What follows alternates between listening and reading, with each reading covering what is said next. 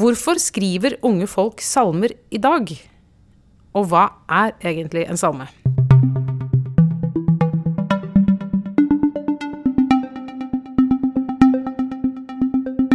Du hører på podkasten Dokka fra Vårt Land. Jeg heter Åste Dokka, og dagens gjest er Ingrid Melve. Ingrid er teolog og salmedikter. Velkommen, Ingrid. Takk. Du, Ingrid, har du, uh, har du fortsatt din første, den første salmen du skrev, liggende uh, noe sted? Ja, ja, det har jeg. Var det mye sånn eh, at Gud rimte med hud? Nei, akkurat den første salmen jeg skrev, den var kjempebra. Så når jeg hadde skrevet den, så tenkte jeg at dette kan jeg. Dette er jeg god til. Eh, og alle de andre salmene jeg skrev etterpå, kanskje var de ti neste, de var jo ikke bra i det hele tatt. Men det første var rett og slett et sånt vådeskudd, er det ikke det det heter? Vådeskudd tror jeg er når du Nei, det er når du sky- Ja, det er motsatt av vådeskudd. Jeg tror du prøver å ikke Altså, du skyter på jaktkameraten din og Jeg sånn. hadde i hvert fall førstegangsflaks, da. Ja. Eh, Men jeg tror at når den første salmen funka så bra, så tenkte jeg at det her, ja, det her skal jeg gjøre mer av. Men så tenkte jeg at for å skrive gode salmer, så må man skrive som dem som er gode til å skrive salmer. Og den som er god til å skrive salmer, det var Svein Ellingsen, tenkte jeg. Så de neste salmene jeg skrev, så prøvde jeg å skrive som Svein Ellingsen. Men jeg er jo ikke Svein Ellingsen. Jeg lever i en annen virkelighet enn Svein Ellingsen, og har helt andre erfaringer enn Svein Ellingsen. Så jeg har ganske mange salmer liggende som er et helt annet språk, og som overhodet ikke er like bra som Svein Ellingsen sine. Men de siste to årene så tror jeg jeg begynte å komme frem mer til et eget språk. Hvordan var det du begynte å skrive salmer i det hele tatt?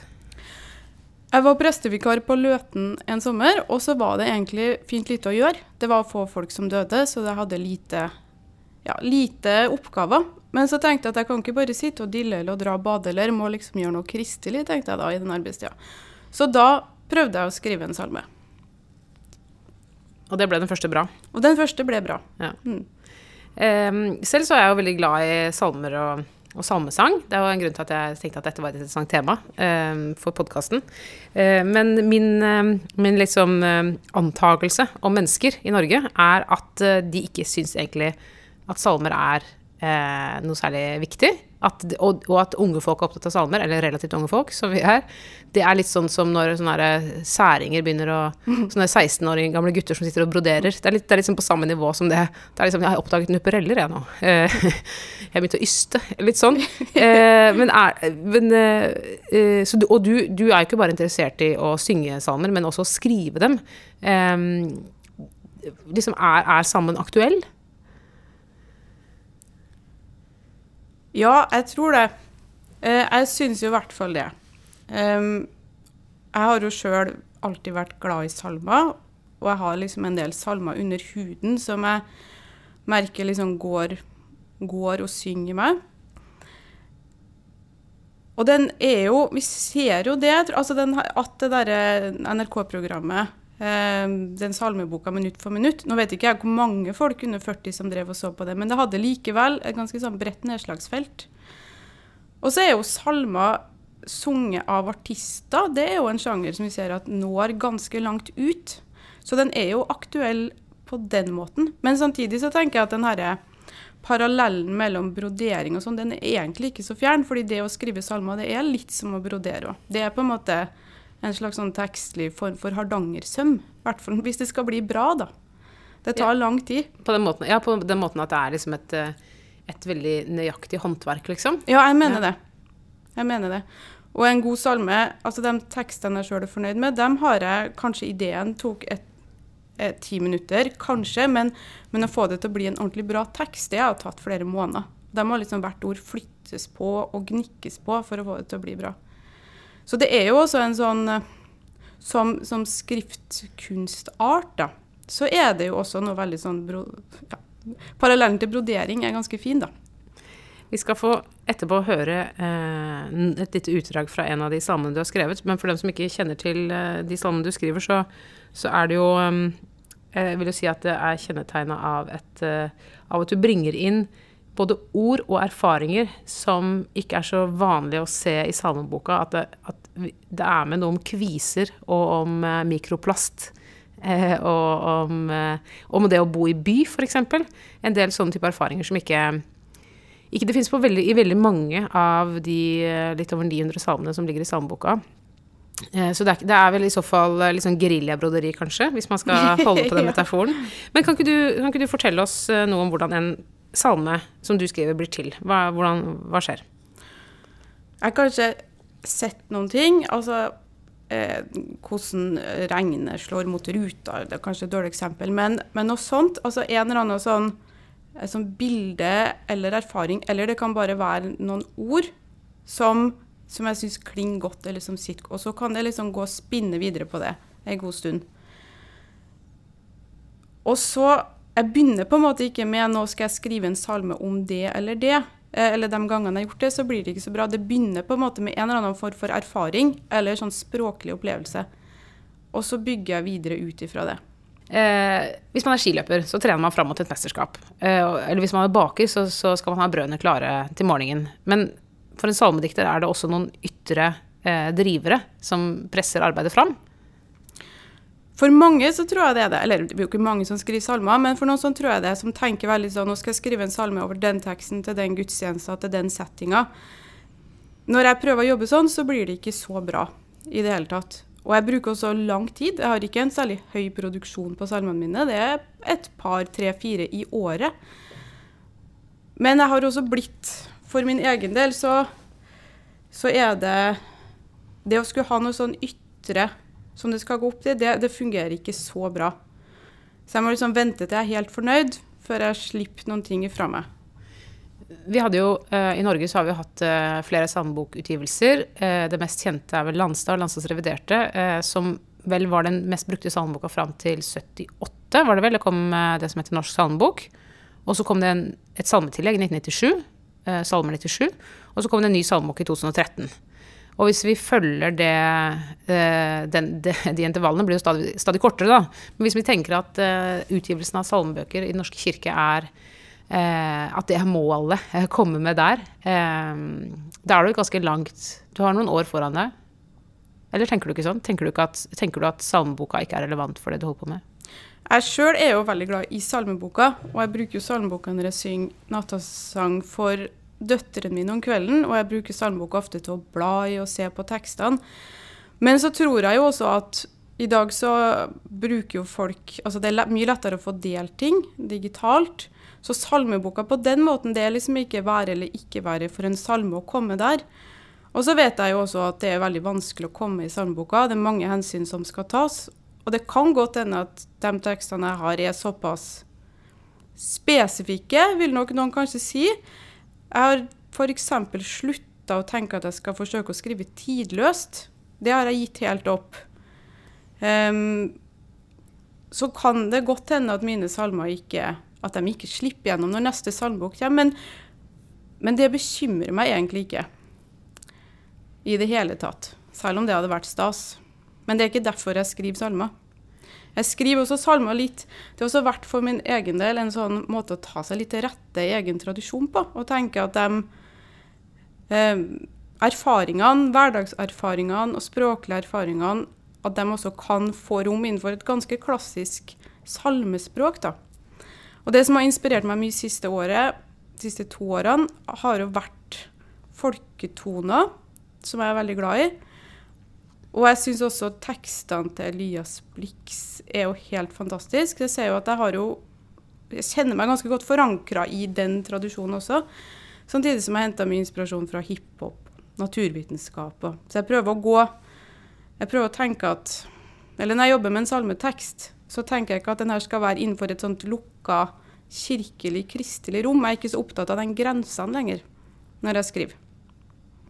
Det har jo dukka opp, eh, og det tror, jeg, det tror jeg faktisk er nytt, eh, at det fins nå i dag liksom mange relativt unge salmeskrivere som har søkt sammen, og som har laga et lite miljø, og hvor man merker at det bobler ting ut, og det skjer ting. Det var vel eh, en liten slags festival i, i, i Vestfold for ikke så lenge siden, som, som resulterte i ganske mange filmer med nye salmer som ble framført. Ja.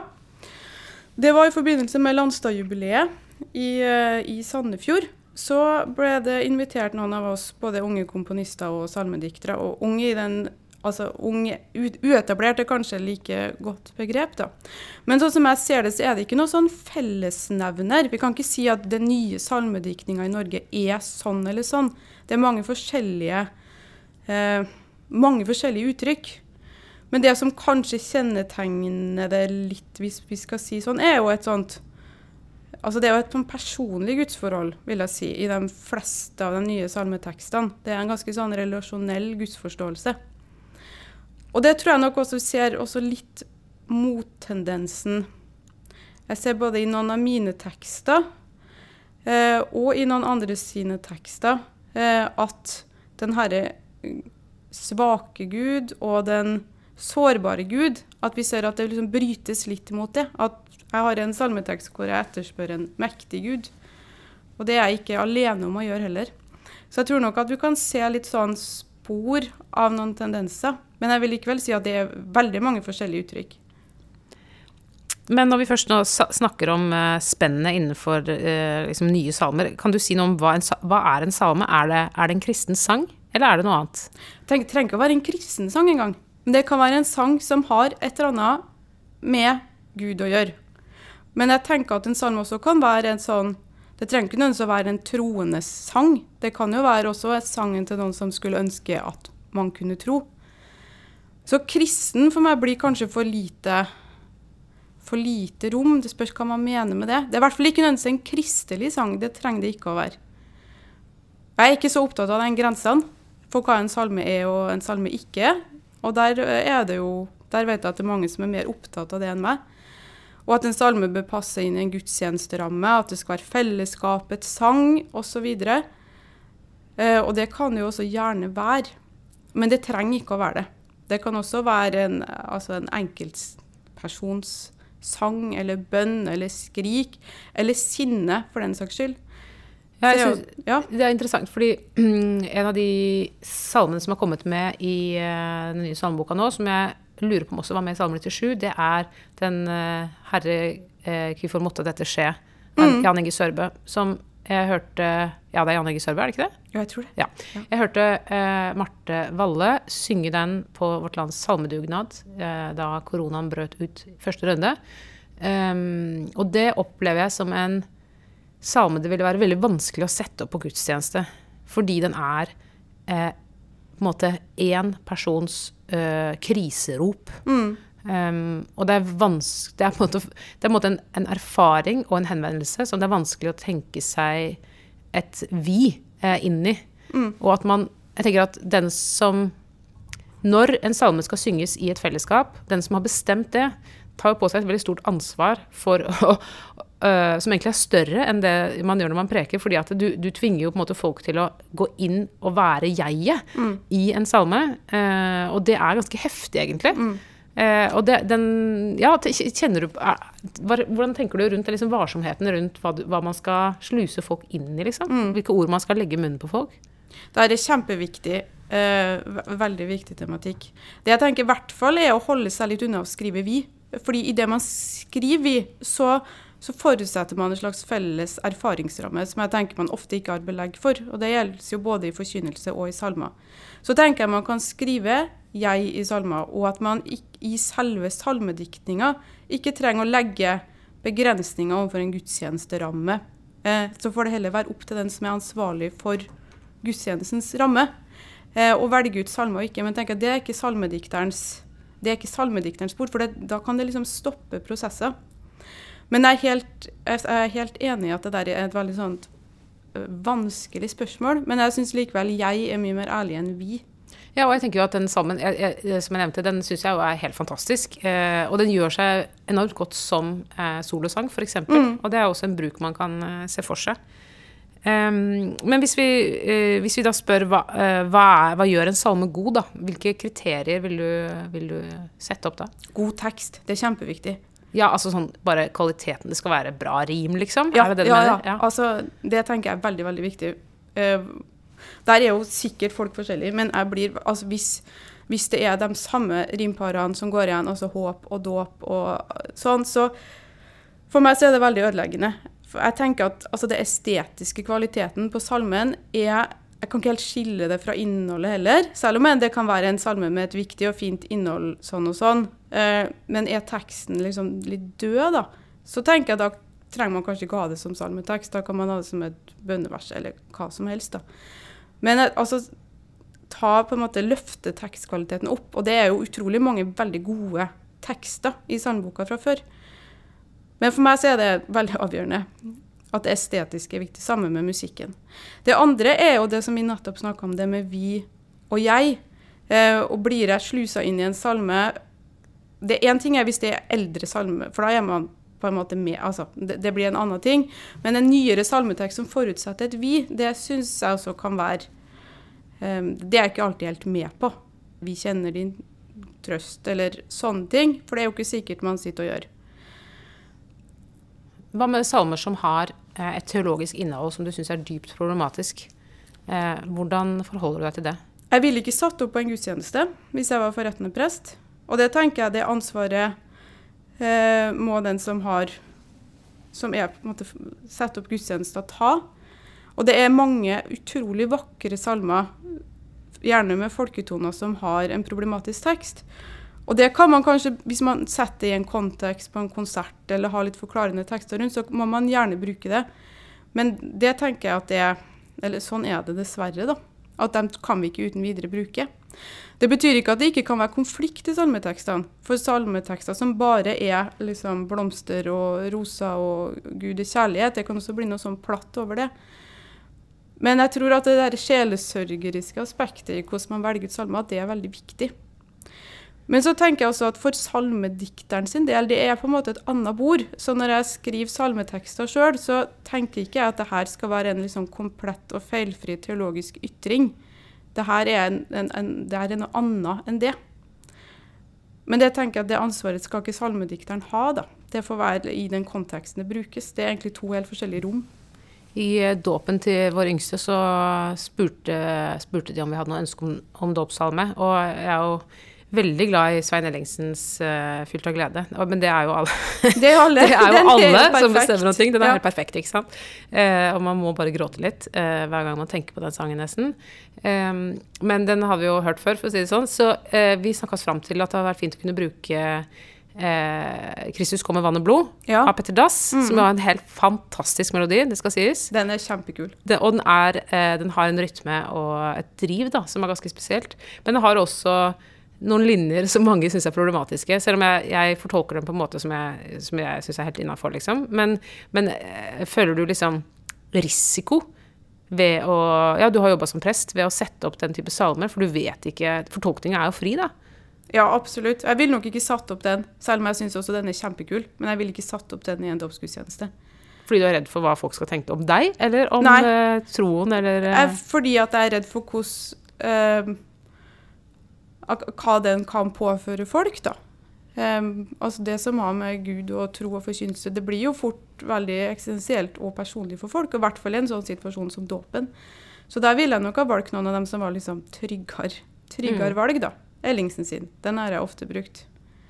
Men uh, jeg tenker jo at det er jo um, Gamle salmer, da. De har jo ofte en type fremmedhet som uh, ligger selvfølgelig i språket og i uh, hvilke hvilken type religiøs tematikk som oppleves som så viktig at den skal få plass i salmen. Um, Pietismens salmer er jo enormt sånn sjelegranskende og inderlige. Eh, og, og, de liksom veldig karismatiske tekstene vi har, som liksom jubler over eh, Kristus, eh, liksom. At det kan finnes liksom Det finnes i salmen elementer som gjør at de de kommer så tydelig fra en annen tid. Mm. Det fins jo ganske mye av. Og det er naturlig. Vi har jo salmer som altså Folkefrelser, det er vel den eldste salmen i salmeboka. Den er jo fra Det er Ambrosius på Er det 400 Ja. 400-tallet eller noe sånt. Mm. Han, var, ja, han, var, han var forut for Augustin, så det, det, det er tidlig, liksom.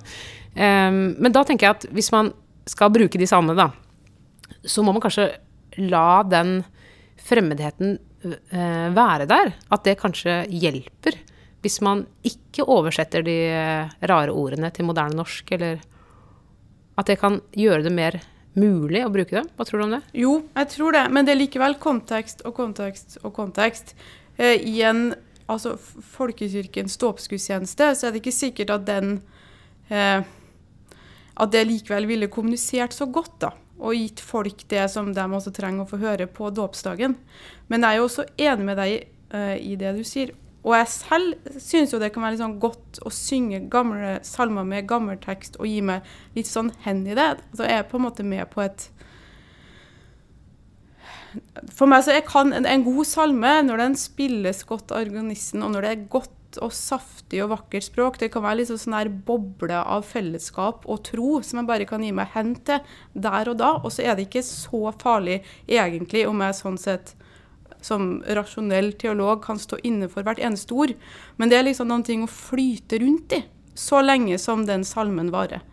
Ja, det er jo sånn, jeg tror jo eh, veldig mange av oss har vel sikkert med stor innlevelse sunget 'Imagine', eh, Beatles-sangen, og sunget liksom 'Imagine There's No Religion', og syns det var fantastisk. Men, men så betyr ikke det at vi står nødvendigvis for den teksten og tenker at ja, det er sånn jeg ønsker at det skal være, men at eh, mm, det er en viss distanse, da. Også når vi synger, også når vi tar ordene inn i vår egen kropp, så kan vi ha Vi kan ha både hengivelse og distanse samtidig. Jeg tror det. Og så tror jeg også sang fellessang er sånn sett litt sånn uforpliktende hengivelse. Og det er en ganske trygg form for hengivelse. Fordi at man står jo der og synger eller sitter. Og ingen eh, av dem som sitter ved siden av deg, med mindre man lukker øynene, eller noe sånt, ser jo hva som egentlig foregår på innsida i en sjøl. Så for meg så er det av et sånn, sånn tilbedelsesform eller mystiske erfaringer, så kan jeg gi meg fullstendig hen til salmetekster. Til salmer, da. I en trygg ramme. Ja, fordi det er faktisk et av de få religiøse uttrykkene våre som vi ikke tenker på som bekjennelseshandlinger. Ja. Hvis du tenker på liksom bønn, trosbekjennelse, eh, nattverdsdeltakelse osv., da er spørsmålet liksom Ja, for da er du kristen. Ja. Mens det å synge en salme, det, det er jo lov. Hvem som helst kan gjøre det. Ja. Og så kan du også samle folk sånn Altså, det er jo mye krangling i kirka. Veldig mye krangling hele tida. Men sette opp navnet Jesus på en gudstjeneste som, prest, som siste salme så, og folk står, og noen lukker øynene altså, Vi kan liksom være med på det. Og så trenger det ikke å føles riktig like der. Men så lenge sangen varer, så er det etablert, i hvert fall for meg, i hvert fall for ganske mange, en form for fellesskap som kanskje nesten ikke finnes noe annet sted. da. Og jeg tenker at Vi ser det jo kanskje aller tydeligst i julesangene, ja. eh, som jo er virkelig folkeeie. Ja. Eh, og, og, da eh, Jeg så at Stjernekamp, som ungene mine liker å se på, de hadde en eh, episode hvor de skulle synge salmer, disse her eh, sangerne. Og jeg tror så godt som alle valgte faktisk julesanger. Eh, og det er jo ikke det at de er noe mindre religiøse enn de andre nei, salmene. Nei. Det er jo liksom mitt, I Jesu føderom, der, liksom, der er mitt, min lengsel hjemme. Um, det er jo ikke, det er ikke småtteri, det heller, liksom. Men det er jo det er lov, da. Ja, det er lov.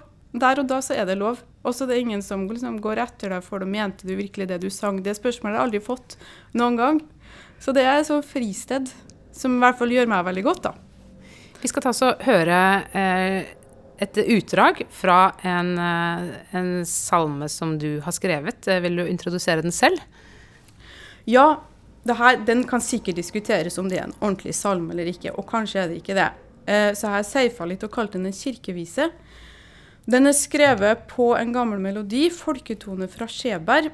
Og det her er liksom min koronasalme. Og den er skrevet fra et litt sint sted. Og jeg merker at sinne eller frustrasjon det er for meg ofte et sånn godt kreativt sted. Men det var i starten av den koronatida um, når ting hadde blitt nedstengt. Og folk hadde begynt å si at alt blir bra igjen. Og da ble jeg kjent at det er det jo ikke sikkert at det gjør. Så da skrev jeg den fuglevisa her. Og det er Solveig Spilling Bakkevik som synger, og hun er også den som har skrevet melodien til mange av dine salmer. Ja. Mm. Mm. Se på himmelens tusen fugler, verken høster eller sår. Men de stirrer og de skuler, de ser alt, ser hvor du går. Om du stjeler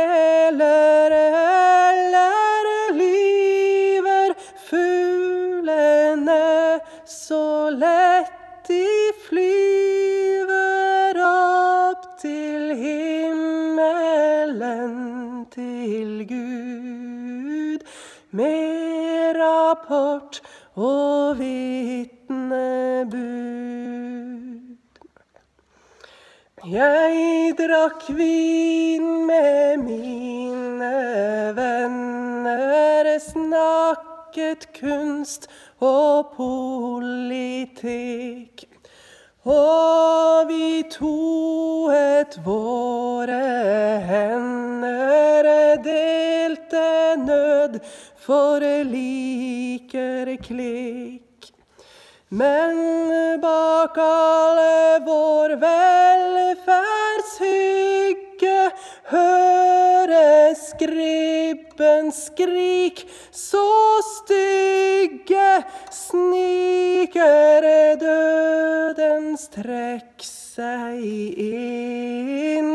Kjenner du den ditt kinn?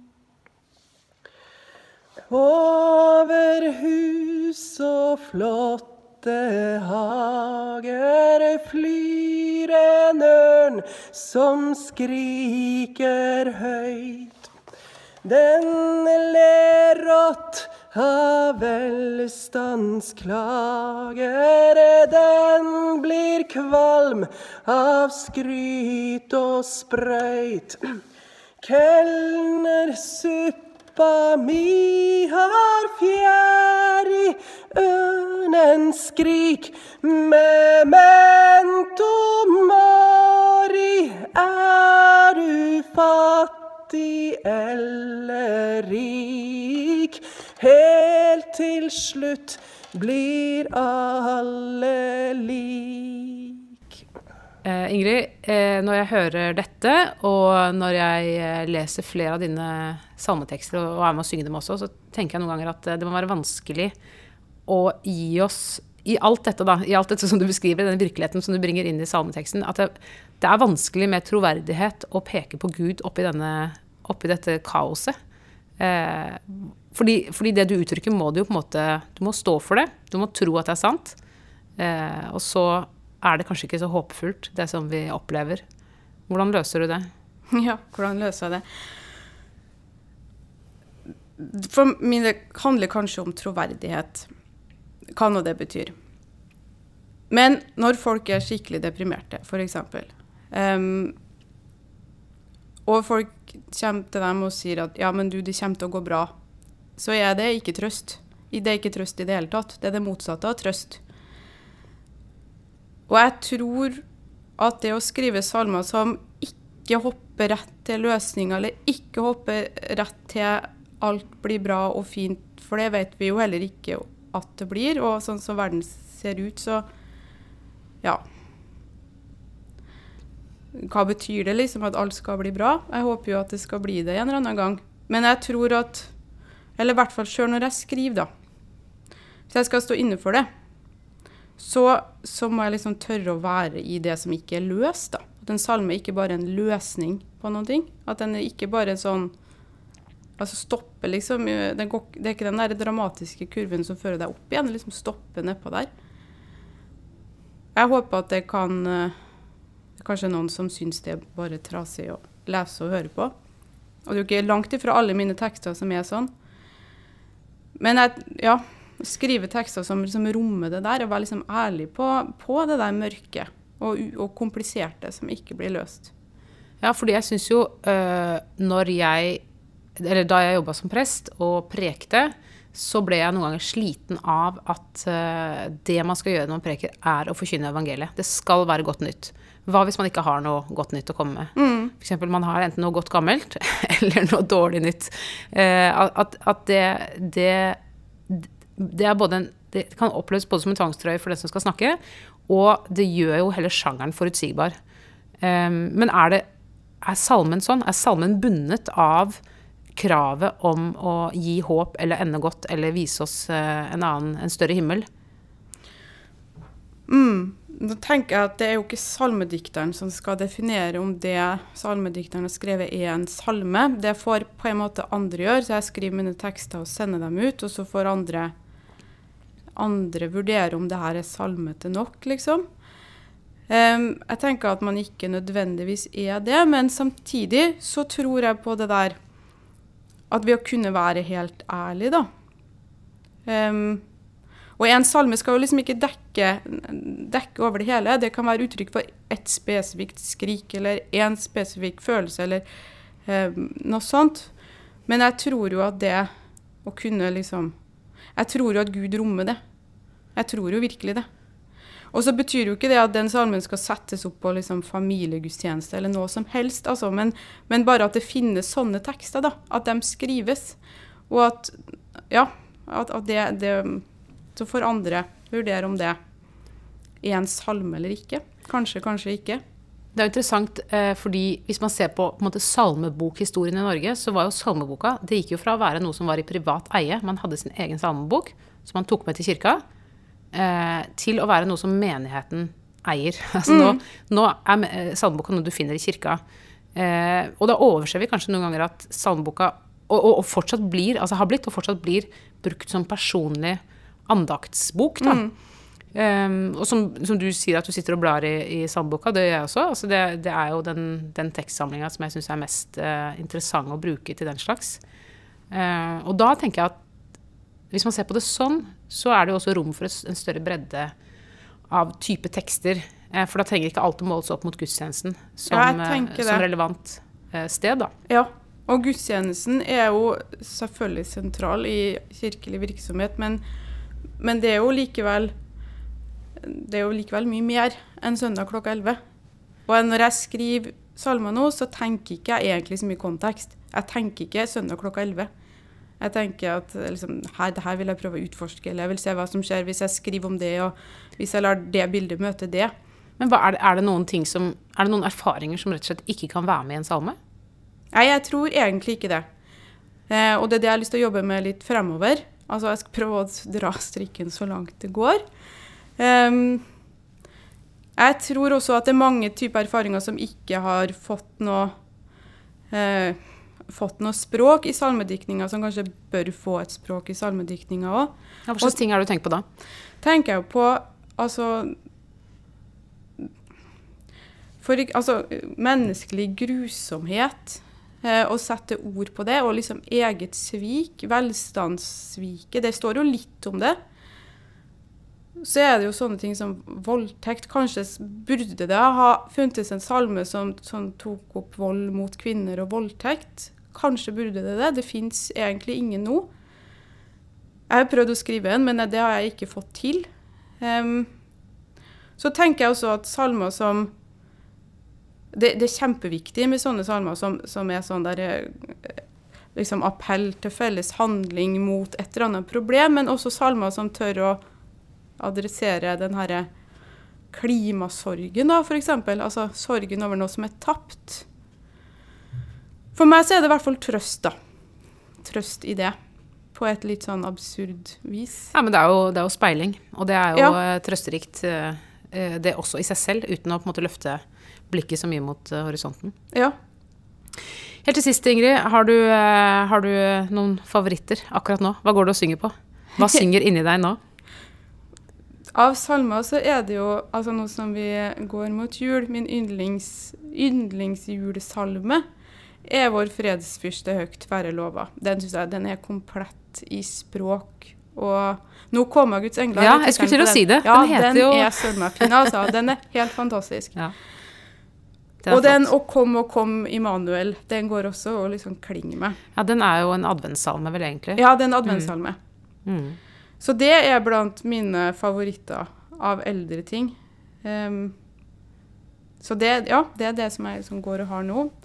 Da jeg um, hadde tatt keisersnitt, fått yngstejenta, og lå i litt sånn morfinrus på Sykehuset Østfold, da lå jeg og sang på den hos Stig vår sang den Edvard Toheim-salmen. Så den er jeg glad for at jeg kan utenat. Den, den, altså, den, er veldig utrolig. flott, altså. Ja, den er helt fantastisk. Den syns jeg er noe av det beste som er skrevet av nyere ting noensinne. Du har hørt på podkasten Dokka fra vårt land. Jeg heter Åste Dokka, og produsent i dag har vært Sondre Bjørdal. Vi blir glade hvis du gir podkasten en stjerne eller fem på spilleren. Og du kan eh, få gode tilbud på abonnement på Vårt Land digitalt og på papir eh, hvis du går inn på vl.no no tilbud, og den lenka ligger også i beskrivelsen av denne podkastepisoden på spilleren din. Så må vi si takk til Ingrid Melve, og ha en fin dag.